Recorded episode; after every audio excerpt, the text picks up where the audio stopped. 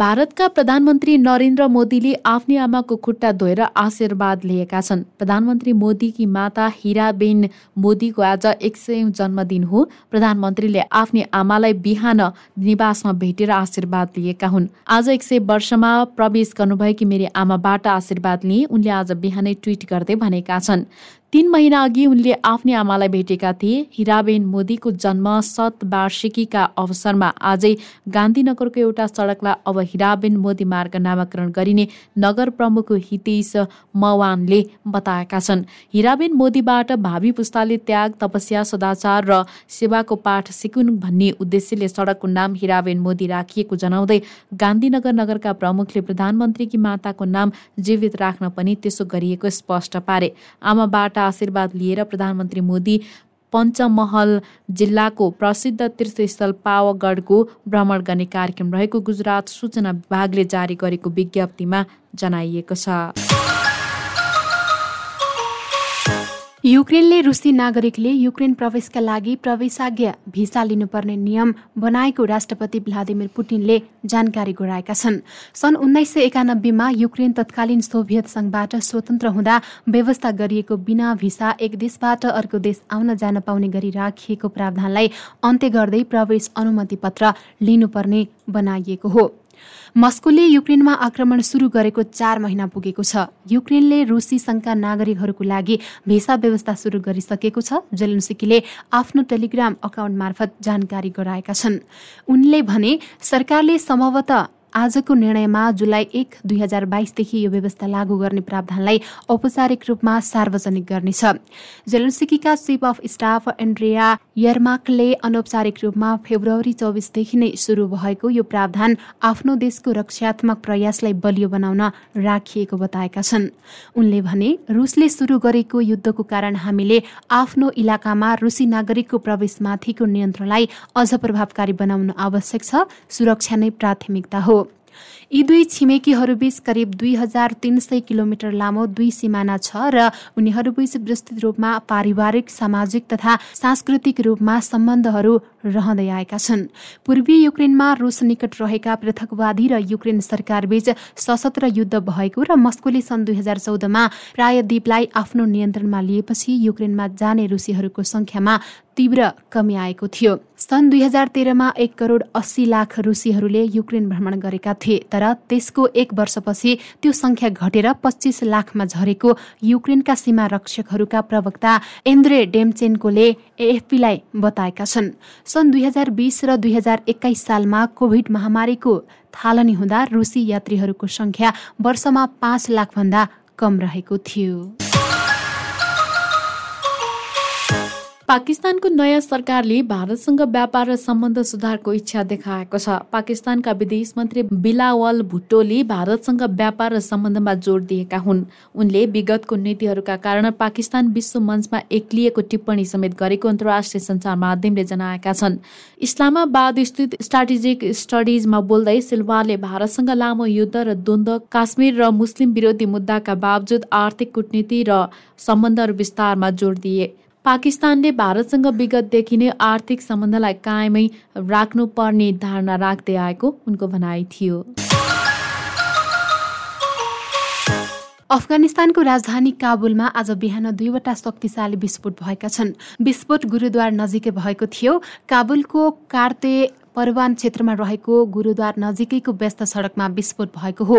यो क्षेत्र घना जनसङ्ख्या भएको र धेरै मानिसको मृत्यु हुने आशंका गरिएको स्थानीय सञ्चार माध्यमहरूले जनाएका छन्। उक्त क्षेत्रमा धेरै बन्दुकको आवाज समेत सुनिएको विवरणहरूमा जनाइएको छ। विस्फोटको समयमा गुरुद्वारमा धेरै भक्तहरू थिए। विस्फोटबाट भएको क्षतिको विवरण सार्वजनिक हुन बाँकी नै छ। काबुल सहरको कार्ते परवान क्षेत्रमा विस्फोटको आवाज सुनिएको थियो। यस घटनाको प्रकृति र हताहत क्षतिको विवरण सार्वजनिक हुन बाँकी छ। अफगानिस्तानको टोलो न्युजले ट्विट गरेको छ। गत पन्ध्र अगस्तमा तालिबानको सत्तारोहणपछि पनि अफगानिस्तानमा हिंसात्मक घटनामा कमी आएका छैनन्। दोस्रो पटक सत्तामा पुगेपछि तालिबानले महिलाहरूका हक अधिकार कटौती भएका छन्। अधिकार कटौती भएको भन्दै महिलाहरूले राजधानी काबुल लगायतका सडकमा विरोध प्रदर्शन गर्दै आएका छन्। यसैबीच कुन्दुज प्रान्तको इमाम साहिब जिल्लामा रहेको मस्जिदमा विस्फोट हुँदा कम्तीमा एकजनाको मृत्यु भएको छ। उक्त घटनामा परि अन्य छजना घाइते भएको बताइएको छ। देशको उत्तरी क्षेत्रमा रहेको आले फडबडी मस्जिदमा स्थानीय समयअनुसार दिउँसो एक बजेर पैँतिस मिनटमा भएको उक्त विस्फोटको एक प्रत्यक्षदर्शीले पुष्टि गर्दै भने मस्जिदमा दर्जनौ उपासकले प्रार्थना गरिरहेका थिए। विस्फोटमा परि कम्तीमा एकजनाको मृत्यु भएको र थप छजना घाइते भएका छन्। यसैबीच अर्का प्रत्यक्षदर्शी मोहम्मद करिमले मस्जिदभित्र भएको विस्फोटमा एकजनाको मृत्यु भएको र केही घाइते भएको बताएका छन्। कुन्दुज प्रहरी प्रवक्ता अबिदुल्लाह अविदीले विस्फोटको पुष्टि गर्दै यो विस्फोटमा मानवीय क्षति समेत भएको तर यसबारे अनुसन्धान पूरा भएपछि विस्तृत विवरण सार्वजनिक गरिने बताए। यस आक्रमणको अहिलेसम्म कुनै पनि समूह वा व्यक्तिले जिम्मेवारी दावी गरेका छैनन्। अप्रेलको अन्ततिर कुन्दुज प्रान्तको एउटा मस्जिदमा पनि यस्तै विस्फोट भएको र उक्त विस्फोटको कट्टर इस्लामिक स्टेट समूहले जिम्मेवारी लिएको थियो। उक्त घटनामा झण्डै तीन दर्जनको मृत्यु भएको र अन्य चालिसजना भन्दा बढी घाइते भएका थिए विश्वभर विस्थापित बालबालिकाहरूको संख्या दोस्रो विश्वयुद्ध पछिकै सबैभन्दा धेरै भएको पाइएको छ। संयुक्त राष्ट्रसङ्घीय निकाय संयुक्त राष्ट्रसङ्घ बालकोष युनिसेफले अहिले विस्थापित बालबालिकाहरूको संख्या तीन करोड तिस लाख पचास हजार पुगेको जनाएको छ। यो संख्या गत वर्ष सन् दुई हजार एक्काइसको अन्त्यतिरको भएको पनि राष्ट्रसङ्घीय अधिकारीहरूले शुक्रबार जनाएका छन्। विशेष गरी विभिन्न देशमा भइरहेको द्वन्द्वका कारण उनीहरू विस्थापित भएको पनि अध्ययनले देखाएको छ। दोस्रो विश्वयुद्ध पछिकै एकै पटकमा यति धेरै बालबालिकाहरू विस्थापित भएको अहिले पहिलो पटक हो युनिसेफद्वारा जारी विज्ञप्तिमा भनिएको छ। अघिल्लो वर्षको तुलनामा विस्थापितको संख्या बाइस लाख बढी देखिएको छ। विशेष गरेर हिंसात्मक घटनाहरूका कारण बालबालिकाहरू धेरै विस्थापित भएको प्रतिवेदनमा उल्लेख छ। जलवायु परिवर्तन र वातावरणीय समस्या पनि बालबालिका विस्थापित हुनुको अर्को मुख्य कारण भएको जनाइएको छ।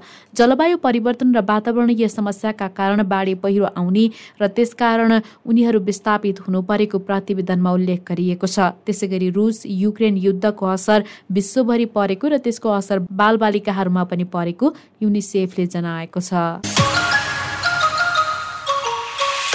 रुसी राष्ट्रपति भ्लादिमिर पुटिनले रुसले युक्रेनमा आक्रमण गरेपछि पश्चिम देशहरूले मस्कोमाथि लगाएको प्रतिबन्ध पागल र विचारहीन भएको टिप्पणी गरेका छन्। सेन्ट पिटर्सबर्गमा एक फोरममा राष्ट्रपति पुटिनले पश्चिमा देशहरूले लगाएको प्रतिबन्ध विफल भएको दावी गरे। उनले अगाडि भने रुस विरुद्धको आर्थिक प्रतिबन्ध सुरुदेखि नै सफल हुने कुनै सम्भावना थिएन। रुसमाथिको प्रतिबन्ध लगाउनेहरूका लागि अधिक हानिकारक भएको उनले बताए। पश्चिमी राष्ट्रहरूले रुसलाई दण्ड दिने र आफ्नो अर्थतन्त्रको रक्षा गर्न खोजिरहेका छन्।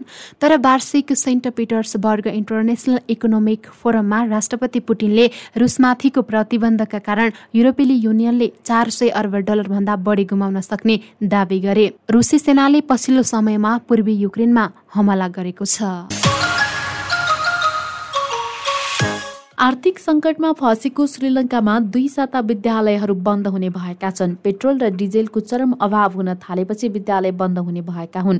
त्यस्तै सरकारी कार्यालयमा ठूलो सङ्ख्यामा कर्मचारी कटौती गरिएको छ। सार्वजनिक प्रशासन मन्त्रालयले सोमबारदेखि कर्मचारी कटौती गर्न सबै विभाग सार्वजनिक संस्था र स्थानीय तहलाई निर्देशन दिएको छ। सार्वजनिक यातायातको अभाव र निजी सवारी साधनको व्यवस्था गर्न नसक्दा काममा जाने कर्मचारीको सङ्ख्यामा व्यापक कटौती गर्ने निर्णय गरिएको छ मन्त्रालयको आदेशमा भनिएको छ। श्रीलङ्काले सन् उन्नाइस सय अडचालिसमा स्वतन्त्रता प्राप्त गरेपछि सबैभन्दा खराब आर्थिक सङ्कटको सामना गरिरहेको छ। गत वर्षको अन्त्यदेखि खाद्यान्न औषधि र इन्धन जस्ता आवश्यक वस्तुहरूको आयातमा भुक्तानी गर्न समर्थ भएको छ। घन्टौँ लामो लोड सेडिङका कारण उद्योग व्यवसाय प्रभावित भएका छन्। आर्थिक सङ्कटलाई लिएर सर्वसाधारणले राष्ट्रपति गोटाबाया राजा पाक्सलाई राजीनामा गर्न आह्वान गर्दै आएका छन्। यसैबीच राष्ट्रसङ्घले श्रीलङ्का विपन्न वर्गका लागि खाद्यान्न सहयोग गर्ने बताएको छ। थाइल्याण्डले मानिसहरूलाई बाहिर निस्कँदा अनिवार्य मास्क लगाउनु पर्ने नियम हटाएको छ। कोभिड संक्रमितको संख्या घटेसँगै सरकारले यसअघि लगाउँदै आएको प्रतिबन्ध खुकुलो बनाएको हो। यस्तै पर्यटकहरूलाई यात्रा गर्नु अघि दर्ता गर्न आवश्यक नपर्ने भएको छ। संक्रमण घटेसँगै पर्यटकलाई आकर्षित गर्ने पहल स्वरूप सरकारले पछिल्लो कदम चालेको हो। डेल्टा भेरिएन्ट व्यापक रूपमा फैलिरहेका बेला सन् उन्नाइस सय एक्काइसको मध्यदेखि थाइल्याण्डमा सार्वजनिक रूपमा फेस मास्कहरू अनिवार्य गरिएको थियो तर महामारी कम भएपछि पर्यटनमा निर्भर थाइल्याण्डले पर्यटकहरूको संख्या बढाउनको लागि बिस्तारै कोभिड प्रतिबन्धहरू खुकुलो बनाएको हो। यसअघि कम्बोडिया र सिङ्गापुरमा फेस मास्क लगाउनु पर्ने नियम हटाइएको थियो।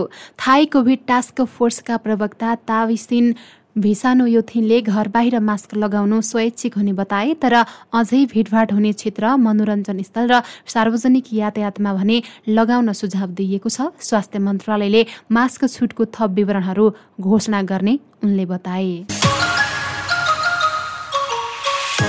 फ्रान्समा केही भागमा तापक्रम उच्च वृद्धिसँगै ती क्षेत्रमा घर बाहिरका सार्वजनिक कार्यक्रममा प्रतिबन्ध लगाइएको छ। बोर्डो वरपर गिरोन्डे विभागमा कन्सर्ट र ठुला सार्वजनिक जमकाटहरू बन्द गरिएको हो। बिहिबार फ्रान्सका केही भागहरू वर्षको सुरुमा चालिस डिग्री सेल्सियस तापक्रम पुगेको थियो। ग्लोबल वार्मिङका कारण तीव्र गर्मीको अवधि लामो समयसम्म चल्ने वैज्ञानिकहरू बताउँछन्। स्पेन इटाली र बेलायतमा पनि उच्च तापक्रम बढिरहेको छ। ताप लहर अन्त्य नभएसम्म गिरोन्डेमा सार्वजनिक कार्यक्रममा निषेध गरिएको अधिकारीहरूले बताएका छन्। पाकिस्तानका पूर्व सैन्य नेता परवेज मुशरफलाई पाकिस्तान फर्काउने तयारी भइरहेको छ। सन् दुई हजार सोह्रदेखि दुवै निर्वाचनमा रहेका मुशरफको स्वास्थ्य अवस्था नाजुक भएको बताइएको छ। स्रोतका अनुसार मुशरफलाई एयर एम्बुलेन्स मार्फत पाकिस्तान फर्काउने तयारी भइरहेको छ। जियो न्युजका अनुसार उनलाई स्वदेश ल्याएर नै थप उपचार गर्ने तयारी भइरहेको छ।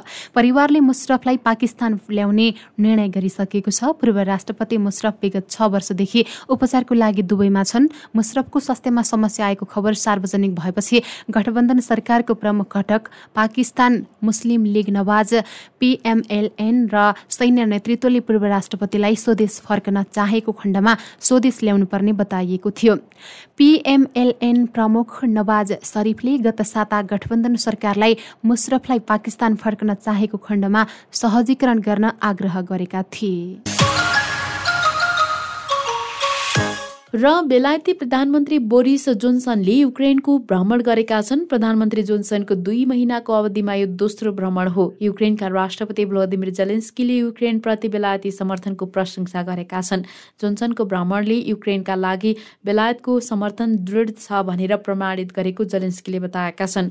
हाम्रो देशका महान मित्र बोरिस जोन्सनलाई फेरि किबमा देख्न पाउँदा खुसी लाग्यो। उनले भने रुसिया आक्रमणको झण्डै चार महिनापछि युरोपेली सङ्घका सबैभन्दा शक्तिशाली राष्ट्र प्रमुख प्रमुखहरूले युरोपेली सङ्घको सदस्यताका लागि युक्रेनको प्रयासलाई स्वीकार गरेको भोलिपल्ट प्रधानमन्त्री जोन्सनले भ्रमण गरेका हुन्। राजधानीको उपनगरबाट रुसी सेनालाई फिर्ता गरेको दुई हप्तापछि अप्रेल नौमा कि भ्रमण गर्ने जोन्सन जी सेभेन देशको पहिलो नेता बनेका छन्।